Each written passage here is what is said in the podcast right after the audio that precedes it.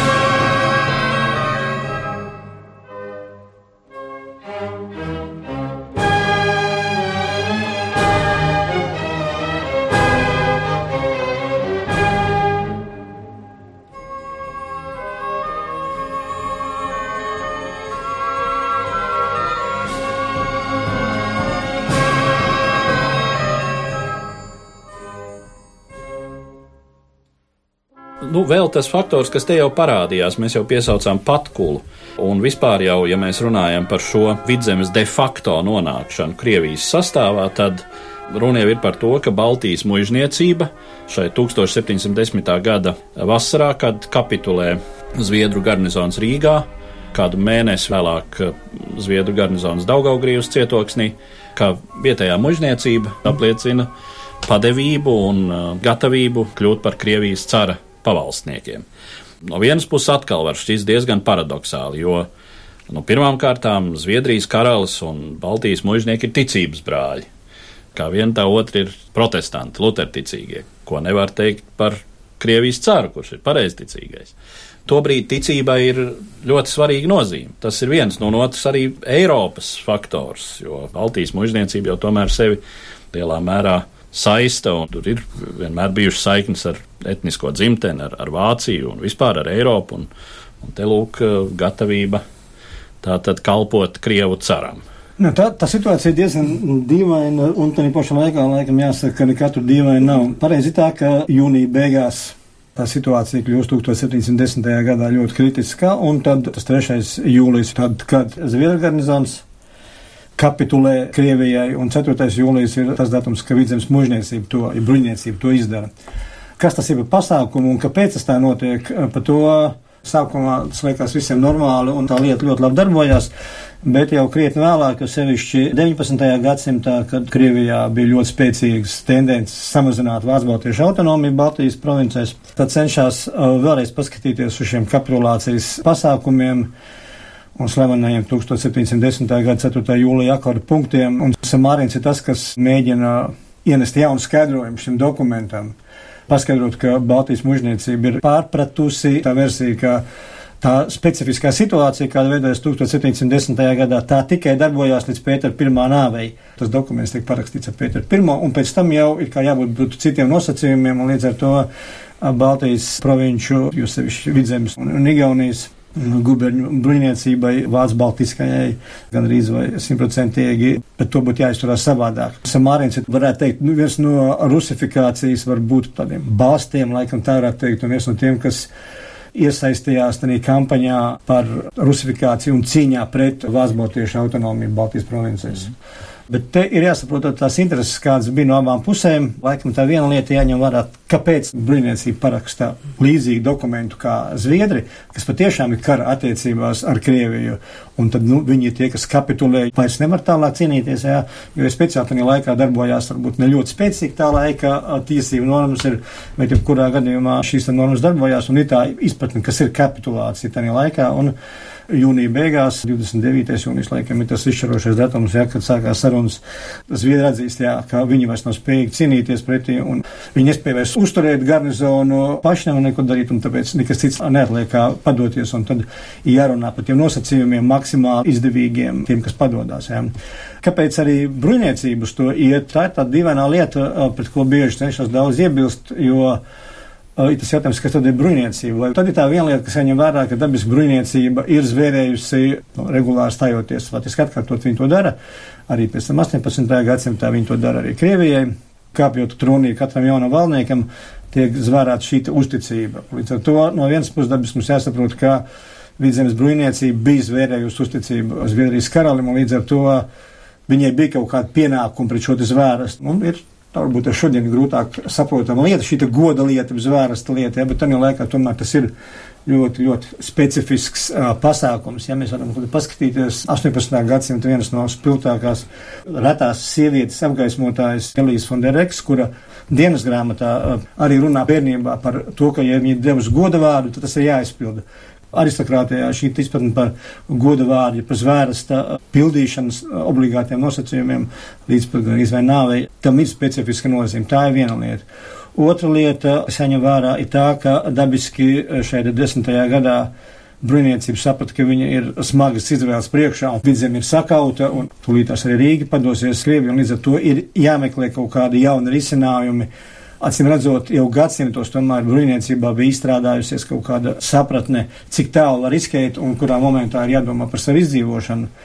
Tā ir nākošā lieta. Tāpat arī nu, mums tas stereotips, ne jā, mūžīgi sliktais, ļaunais vācu baltietis, bet jāsaprot tomēr, ka šeit vācu baltieši dzīvo šajā teritorijā jau viena liela daļa dzimtu kopš 13. gadsimta, un viņiem tā izpratne par dzimteni, par tēviju ir varbūt krietni savādāk nekā šodienas migrantiem, kas Latvijā varbūt dzīvo tikai 3, 4 gadu desmitus, 5, varbūt 6 gadu desmitus, Vācu-Baltiešiem brīvniecībai. Šī izpratne bija krietni savādāk, un viņiem bija arī pienākums sevi pret savu zemi. Un, ja mēs paskatāmies tos akordu punktus, kas bieži arī padomu historiogrāfijā tiek traktēti kā rūpes tikai par savu kārtu, tad tā, paldies Dievam, nemaz nav jo akordu punktos regulāri bruņniecība uzsver, ka tās ir arī viņu rūpes par visas teritorijas iedzīvotājiem. Līdz ar to faktiski nu, tas ir tāds savu veidu, tas uh, patriarchālisms 18. gadsimtā, kurā gadījumā šī apziņa tomēr bruņniecībai bija domāt par visiem iedzīvotājiem, kā iziet no šīs situācijas ārā. Pretējā lieta ir, kāds bija Krievijas ambīcijas un intereses, un dabiski Pēterim pirmajam svarīgi bija ne tikai iegūt šīs teritorijas, bet šīs teritorijas iegūt ar kaut kādām garantijām. Un te vajag atcerēties atkal to pašu slimu no patkulu, kurš faktiski tuvinot šos abus lielā auguma vīrus bija panācis to sākotnējo, nu, vismaz viņam piedēvēja to, ka viņš bija panācis šo vienošanos, ka kara noslēgumā, kad Zviedri tiek sakauti, vidzeme aiziet pie Polijas. Tas bija, nu, lielā mērā patkula nopelns, ko viņš bija garantējis sākotnēji augustam otrajam stiprajam, un pēc tam arī faktiski bija arī šo te ideju iedevis Pēterim pirmajam. Un tagad, 1710. gadā, Pēterim vajadzēja šo lietu apiet likumīgi, un līdz ar to viņam vajadzēja panākt, ka vidzemes bruņniecība padodās labprātīgi viņam. Un tad šie te akorda punkti, kapitulācija, kas ir ne tikai no Zviedriem, bet arī no vidzemes bruņniecības, bija tas, varētu teikt, politiskais solis, ap šī lieliski izspēlētā kārts Krievija iegūst, varētu teikt, morāls un laikam arī varētu teikt juridiskas tiesības uz vidzemi, jo paši vidzemes iedzīvotāji padodās viņam. Ja, tas dabiski nes savas uh, tālajošas sekas, jo, kā jau teicu, Pēc tam tas vairs Krievijai nebija izdevīgi, jo šī kapitulācija dod dabiski kaut kādas garantijas bruņniecībai. Un tāpēc, kā es teicu, Samārins par to ļoti cīnījās, jo nu, izdevīgāk būtu bijis, ka viņi ir iekaroti un viņi ir vienkārši padevušies. Viņiem nav nekādas tiesības, bet šī kapitulācijas punkta dabiski deva tiesības, kuras, nu, varētu pat teikt, lielā mērā diezgan, diezgan sekmīgi Baltijas bruņniecību nosargāja līdz pat uh, Pirmajam pasaules karam. Runājot par to 1710. gada līgumu, kāpēc Pēters I pieņem šādus līguma nosacījumus, kas ir izdevīgi Baltijas vācu mužniecībai, var rasties jautājums, kāpēc uzvarētājs kaujas laukā, kurš kontrolē situāciju, piekrīt saglabāt šīs Baltvācu privilēģijas. Ir vairāk tīri militāra aspekti. Pirmkārt, lielais ziemeļkarš to brīdi nav beidzies. Zviedrija ir zaudējusi daudzus kaujas, bet kā valsts viņa joprojām nav sakauta. Un Pēters I kara gaitā faktiski ir uzkrājis pieredzi. Viņš saprot, ka viņam vajag ne tikai militāras garantijas, ka viņš šīs teritorijas varēs paturēt, bet viņam arī vajag šīs politiskās un starptautiskās garantijas, ka neviens cits nemēģinās viņu iekarojums apstrīdēt. Jo bez Zviedrijas ir vēl gan daudz citu valstu. Viņam arī bija nepieciešams gūt kaut kādu zinām prestīžu Eiropā. Pēters sev nodemonstrē kā diezgan viltīgs un gudrs politiķis, jo parakstot šo līgumu viņš iegūst uh, faktiski rīcības brīvību. Šādā ziņā varbūt var teikt, ka tāda, nu, tāda pierakstīšanās Eiropā. Jā. Un tam līgumam, lai arī viņš uh, no mūsdienu viedokļa raugoties šķiet uh, neizdevīgs uh, tādai, no nu, impēriskai politikai, bet Faktiski no Pētera pirmā redzes viedokļa viņš ļoti būtiski nostiprina Pētera pirmā autoritāti vispār Baltijas mužniecības vidū, jo ne jau pavelti Baltijas vācu mužniecība pēc tam visu laiku Krievijas impērijā bija ļoti ietekmīga un viena no ietekmīgākajām vispār mužniecības grupām šajā te milzīgajā valstī. Mužniecība nebūtu nav viendabīga parādība, un vācu mužniecība vienmēr ir saglabājusi savu īpašo statusu. Otra lieta, runājot par vienkāršiem iedzīvotājiem, šis līgums uh, savā ziņā bija izdevīgs arī vienkāršai tautai, jo ar uh, akorda punktiem vispār ar vidzemes kapitulāciju vietējie iedzīvotāji, latviešu zemnieki, igauņu zemnieki bija pasargāti no mobilizācijas un ņemšanas rekrūšos Krievijas armijā. Tas šķiet, nu kas tur dienests armijā reķiniet, ka Pētera pirmā armija bija drusku savādāka un rekrūšu sistēma pat nekā Krievijas 19. gadsimta rekrūšu sistēma. Dienests laiks bija krieti ilgāks, dienesta apstākļi bija krietni smagāki un faktiski līdz pat 18. gadsimta beigām, līdz Napoleona kara sākumam, vidzemē nav šīs rekrūšu ņemšanas. Tā ir viena no latviešu zemniecības traģēdijām, kad ievieš šo rekrūšu ņemšanu, jo tas ir pamatīgs trieciens. Šoks, pilnīgs šoks. Mm. Ir arī vēl viena cita lieta, varbūt jāpiemina, ka šāda sistēma, kad ir uh, kaut kāda kapitulācija, un tas, kā tas notiek, tas ir viens no pēdējiem kariem. Eiropas vēsturē, ka tas tā notiek, respektīvi, parasti tā izpratne, ka uzvarētājs Ielēns pilsētā, tur parādās tie miera sarunu vedēji baltiem karogiem, un tad parasti uzvarētājs diktē noteikumus. Tā ir tā 20. un 21. gadsimta izpratne par to, kā tiek slēgti mieri, kā kāds kapitulē, un ja mēs skatāmies filmas par Otro pasaules karu, tur tā notiek. Uh, 18. gadsimtā tas ir pēdējais patiesi laiks. Tas, kas padodas, tas piedāvā savus noteikumus. Un lielā mērā šis te vārds akords uh, nāk no, no šīs te būtības, kā Tie, kas padodas, tie piedāvā savus uh, padošanās nosacījumus, kas ir uzrakstīti uz papīra, un ir tā, tā versija, ka ne 29. jūnijas, kad sākās sarunas par akvāru punktiem, bet acīm redzot, jau kaut kur krietni iepriekš vidzemnieki ir uzrakstījuši šos te akvāru punktus. Iespējams, ka tur sanāca kaut kāda, tā kā tagad saka, komisijas, kas izlika uh, dažādos punktos savas prasības, un tad jau uzvarētājs iet cauri un akceptē. Un tā kā tas nāk no šī latīniskā vārda akordēt, Šim dokumentam ir tāds nosaukums. Un ļoti labi to var redzēt arī šajos akordu punktos, kas ir saglabājušies gan arhīvos, gan arī ir, ir, ir 19. gadsimta nodrukāti. Tur visur ir klāt redzams, kurus punktus Šeremeķevs ir akceptējis, jau akordējis, un tur viņš arī raksta vācu valodā, arī latīniski, tas ir biežāk vāciski, akordirt, jeb arī nākotnes formā, jeb arī saka, ir jāsaskaņo Pēteru pirmo, un tad tas tiks akordēts.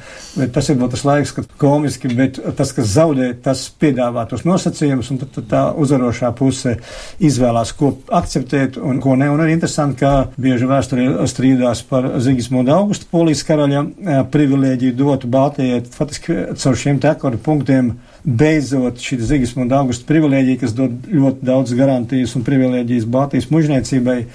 Caur šiem tekoru punktiem faktiski viņa tiek beidzot tā ļoti nopietni akceptēta, jo klīstās baumas viens saka, diez vai kādreiz viņa bijusi pareizi pieņemta Zviedru laikos. Vispār viņa netika respektēta, kaut gan dažos dokumentos viņa tiek pieminēta, ja, bet oriģinālos abos divos eksemplāros ir ļoti atšķirīga tā parakstu sistēma. Ja vienā ir Zigismonda augusta paraksts nav zīmogs, tad otrā ir zīmogs nav paraksts, kas liek vēsturniekiem domāt, ka varbūt tas dokuments nemaz nav bijis pieņemts. Pēters pirmais faktiski šo dokumentu padara par darboties spējīgi un likumīgi. Viņš viņu leģitimizē, varētu tā teikt.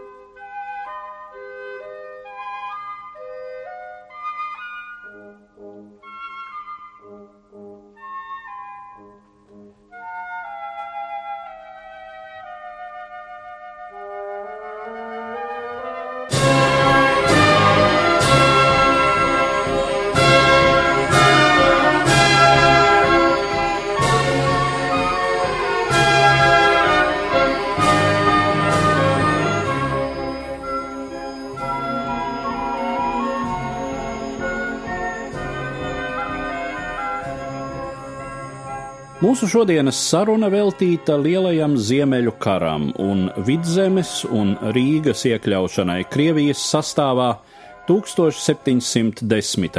gadā. Mani sarunbiedri studijā Latvijas Universitātes vēstures un filozofijas fakultātes dekāns profesors Gvido Straube un Latvijas kara muzeja pētnieks Dainis Poziņš.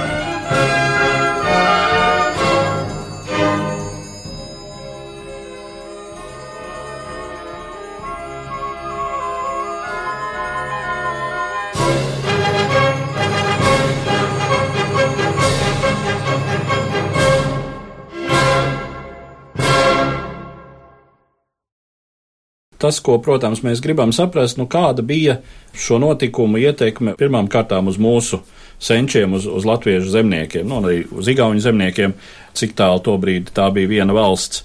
Tātad atkal šis vispārējais priekšstats par labajiem zviedru laikiem, kuros latviešiem klājās labi, teiksim, vai katrā ziņā labāk nekā citos laikos, un uh, kas iespējams vienkārši ir tāpēc, ka šais Zviedru laikos un zem Zviedru valdīšanas nesevišķi labi klājās Baltijas mužniecībai, un uh, nu tad jā, tad iestājās Krievu laiki, kas deva milzu privilēģijas Baltijas mužniekiem, sākās tie īstie smagie laiki, latviešu tautas degradācija, kuru apmēram simts gadus vēlāk fiksēja Garlības Merķelis, kas tā labi iekļaujās vispārējā priekšstatā par 700 verdzības gadiem.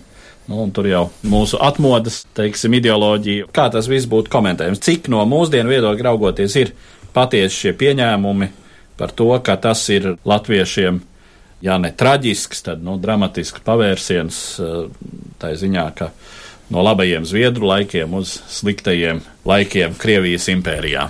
Tā ir tā labā lieta, man liekas, Latvijas vēsturē, ka viņi pilna stereotipiem, jau varbūt nelīdz galām izpētītām lietām, un ir bijuši tā, ka mēs Latvijas vēsturē esam ienesuši kaut kādas schēmas un konstrukcijas no, no rietuma uh, Eiropas vēstures ilgi to dzīvojuši, uh, nesaprastam, ka tādā prokrusta gūtiņā nevienmēr šīm schēmām tomēr ir ēti. Tā viena lieta, es nezinu, man gan liekas, ka pēdējā laikā to piekritie pūciņu šaubu, bet es esmu viens no tiem, kas jau ilgāku laiku gatavs cīnīties par to, ka zviedru laiki nav labie laiki, tie tādi paši laiki priekš latviešiem, kā varbūt pirms tam ordeņa laiki, ir Livonijas konfederācijas laiki, poļu laiki un pēc tam krievu laiki, jo gal galā būtība jau visur ir vienāda. Šodienas Latvijas pamatiedzīvotājs arī zviedru laikos ir zem svešas varas tur, ka viņam varbūt labāk bija, tāpēc, ka mužniekam kaut kas tika atņemts, nu, es nedomāju, ka tajā laikā lab, darbojās tik labi mēdī, ka gan informācija labi apritēja jebkurā gadījumā, bet, bet, nu, nevienmēr tas zemnieks zināja ka mužnieks vairs nav mūžas īpašnieks, bet tikai nomnieks. Tas ir viens otrs, eh, man liekas, ka parasti nomnieks izturās pret nomēsošo eh, zemi un to apsardējušiem zemniekiem krietni nežēlīgāk nekā saimnieks, jo mužnieks, kuram pieder zeme un šie zemnieki, viņam ir tā apziņa, ka viņam būs jādzīvo šiem zemniekiem arī rīt, parīt, un arī viņa bērniem būs jādzīvo. Līdz ar to tur ir kaut kāda varbūt jau saprātīgāka rīcība. Tāpēc es negribētu teikt, ka tie bija labāki laiki. Turklāt atcerēsimies vienu tieši Zviedru laikos, beidzot, bet tas ir ļoti negatīvi un liela nožēlas, ir teikt, diemžēl, beidzot, vidzemes zemnieks tiek kļūst par dzimcilvēku, jo likumi tie, kas kodificē, ka, ka zemnieks ir dzimcilvēks, un tad kāds viņam tiesības. Līdz tam jau faktiski viņš nemaz nav dzimcilvēks, līdz ar to nav jau arī šie 700 vērdzības gadi. Tā ir viena lieta. Otra lieta ir par to, ka tomēr laikam Nu, daļēji varbūt mainās tā situācija, mainās politiskā izkārtne. Tagad trīs kroņu vietā parādās divgalvains ērglis pār vidzem un Rīgu. Bet tomēr ir laikam tā viena pozitīvā lieta, ka nosacīt tomēr vidzemes iedzīvotāji iegūst samērā ilgstošu, stabilu, mierīgu dzīvošanas iespēju, perspektīvu. Ja, tā kā tas ir jāakceptē šī lieta. Tas, ka uzreiz mužniecība kļuva nežēlīgi pēc lielā ziemeļa kara. To nevar tā īsti pat ieraudzīt, jo, ja mēs skatāmies, kā attīstās zemnieku saimniecības, tad tas lielā mērā ir tāds stereotips un ļoti lielisks grāmatu ir uzrakstījis, diemžēl, mūsu kolēģis Igaunijā, nevis Latvijā, Igaunijas vēsturnieks Kaks, kurš faktiski saka, ka tikai pašās, pašās 18. gadsimta beigās mužniecība kļūst nežēlīgāka savā zemnieku eksploatācijā un lielā mērā pie tā vainīga laikam degvīna ražošana, jo tajā laikā ir eh, ļoti intensīvi jāražo graudi, lai no tiem varētu eh, ražot degvīnu, jo degvīns dod ļoti lielu peļņu, un tad uh, tā eksploatācija kļūst varbūt nežēlīgāk. Tas uh, sprādziens var būt nežēlības, ir tieši 19. gadsimts, un jūs pieminētie klaušu laiki, bet tas jau ir pēc dzimbūšanas atcelšanas. Tā kā 18. gadsimts varbūt vēl nemaz nav tik ļauns, un ir arī vēl viena cita lieta, ko tomēr vajadzētu ņemt mums vērā, kas notiek 19. gadsimta 20. gados. Kad zemniekiem tiek dot iespēja izpirkt mājas. Ja mēs pieņemam šo uzskatu, ka kļūst ar vien sliktāk un sliktāk, tad faktiski tam zemniekam 19. gadsimta 20. gados būtu jābūt tik totāli deģenerējušam un nabagam, vienaldzīgam un bez jebkādiem līdzekļiem, ka faktiski viņam nebūtu nekāda interese izpirkt mājas. Bet vēsturiskā patiesība pretēji. Zemnieks sākumā gan mēģina protestēt un saka, mums nav naudas, bet tad vienā momentā ļoti liels skaits zemnieku ir spējīgi samaksāt un izpirkt savas mājas. Līdz ar to tas jautājums retoriskais, tam šekspīriskais, kur te viņi tik smagi dzīvodam, pēkšņi ir iekrājuši diezgan pamatīgus līdzekļus. Atcīm redzot, tie dzīves apstākļi nebija nemaz tik bēdīgi un tik šausmīgi. Tā ir viena lieta, otra lieta ir tomēr arī jāsaprot, ka uh, mužnieks ir cilvēks, un viņš tomēr nav tas klasiskais vērturs. Un, uh, tā ir tā varbūt tā sliktā lieta, ka vēsturē parasti mēs zinām tos nu, teiksim, perversos mužniekus. Un tie ir viens, divi, trīs, kas kaut ko darīja. Bet, nu, perversi cilvēki, noziedznieki dzīvo arī šodien. Jā, tā pašā laikā mužniecības lielākā daļa bija ļoti normāli cilvēki, un diez vai viņi dzīvoja bez rītdienas perspektīvas. Man gribētu skatīties varbūt nedaudz humānāk uz šo te humāno gadsimtu. Nu, man ar tādu zināms viedoklis ir radies par šo te laika periodu patiesībām subjektīvi daudziem ir palicis prātā tas uh, latviešu nu, pirmās atmodas periods, kad bija šī ekonomiskā cīņa, kad mēģināja izcīnīt te vietu te Krievijas impērijas politiskajā sistēmā, kad tie 19. gadsimta priekšstati un stereotipi ir izdzīvojuši līdz mūsdienām. Ja mēs paskatāmies uz reālo tā laika cilvēku dzīvi, sākot no nu, to pašu Livonijas kara beigu periodu līdz pat no 18. gadsimtam, kad teorētiski pieņemts ir nu, tā vispārēji domāt, ka latviešu zemnieks ir absolūti nabadzīgs, apspiests. Vienmēr, kā paņem īstos vēstures avotus, parādās tādas lietas, kad aiz brīnumiem paliek muta vaļā. Nu, kā viņš var būt apspiests, ja tur ir tāds īpašumu uzskaitījums, nu, tātad kaut kāds ekonomiskais pamats bija tam, lai viņam būtu tās sudrabas aktas naudas, lai viņam tur iesaistītos un konkurētu ar uzpircējiem, un ka valstī varas iestādēm regulāri jāpieņem lēmumu, lai zemnieki nejaucās tirzniecībā iekšā. Nu, tas ir jāatkārto, lai viņi regulāri neiet uz pilsētu apbruņojušies ar ieročiem, nepārdod šaujam pulveru uz Krieviju un kas tik tur vēl nav jāaizliedz. Tātad visādas tādas tur aktivitātes ir bijušas. Un arī par to Zviedrijas laika beigu periodu nav nekāda pamata uzskatīt, ka Zviedrijas varas iestāžu pakļautībā esošam zemniekam būtu bijušas mazākas klaušas nekā tas bija tad, kad te nostiprinās vidzemē Krievijas vara. Tad no zemnieka ekonomiskā viedokļa būtiskas atšķirības nav, jo vienalga viņš ir vācu mūžas sastāvdaļa mūža saimniecības un būtībā tie viņa darba pienākumi būtiski neatšķirās no tā, kas ir bijis Zviedru, Poļu vai jebkuras citas laikā. Tāpat arī militārie pienākumi daudzā ziņā saglabājās zemniekiem tās pašas siešanas šķūtīs Un Zviedru laikos, sevišķi 17. gadsimta vidū un arī Ziemeļkara laikā, šie militārie pienākumi ir diezgan smagi, kas ir jāpild zemniekiem. Attiecībā pret armiju tāpat arī nav pamats uzskatīt, ka vācu mužnieki būtu visi absolūti asinskārīgi. Ir zināms pamats domāt, ka 18. gadsimta sākumā pat daļa no viņiem ir pratusi latviešu un igauņu valodu, jo ir tāds interesants Dalberga dokuments par to pašu latviešu zemesardzes veidošanu sešiem bataljoniem. Ir vienkārši nosacījums, ka komandieri jāizraugās no to, vācu mežnieku vidus, kas prot igauņu vai latviešu valodu, lai var sazināties ar saviem karavīriem. Tā tad ir bijis pamats dot kaut kādu šādu rīkojumu. Mm. Tā kā tas nav nebūtu tik viennozīmīgi, viss melns, balts dzīve vienmēr ir krāsaināka. Ir arī ļoti interesanti divi cipari no statistikas, kas runā par šo te, nu, teiksim, klaušu nežēlību.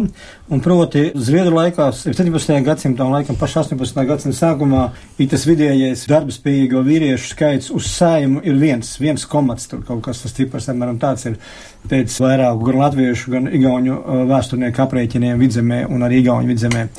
Un tad līdz ar to tur ir tā problēma, ka, ja ir viens, nu, tad viņam ir jāmāk sevi sadalīt starp savu saimniecību un mūžu. Un pēc tam, neskapēc, daudz vēsturnieki šo te viens ciparu aizmirst, bet tikai rēķina klaušu apjomu. Un ja 17. gadsimtā un 18. gadsimta sākumā šis te klaušu apjoms ir skaitlis X, tad 18. gadsimta beigās viņi ierauga, ka tas skaitlis ir jau X reizenās tojās, jau dubultojās. Bet aizmirst, paskatīties, cik ir šo vīriešu darbspējīgo skaits katra zemnieka mājās. Skaits arī pieaug. Un faktiski 18. gadsimta beigās, ko ļoti labi secinājis arī Kāks, viņš redz, ka faktiski vīriešu darbspējīgo skaits ir audzis straujāk nekā klaušu skaits. Līdz ar to faktiski zemniekam, un tur jau viņš ir pār diviem, uh, Un līdz ar to ir tā situācija, ka faktiski viens cilvēks var strādāt nepārtraukti savā saimniecībā, un otrs tiek sūtīts klaušās. Tas nozīmē, ka faktiski zemniekiem ir krietni vairāk laika strādāt savā saimniecībā, nekā tas bija labajos zviedru laikos. To mēs neskapēc ignorējam, bet nu, tas dabiski ir politiski ļoti smuki tā padarīt sevi par jā. lieliem cietējiem. Jā, bet faktiski tās iespējas strādāt sev arī par labu zemniekiem ir pieaugušas. Es vēl varbūt gribu ļoti īsi pieminēt vēl vienu aspektu.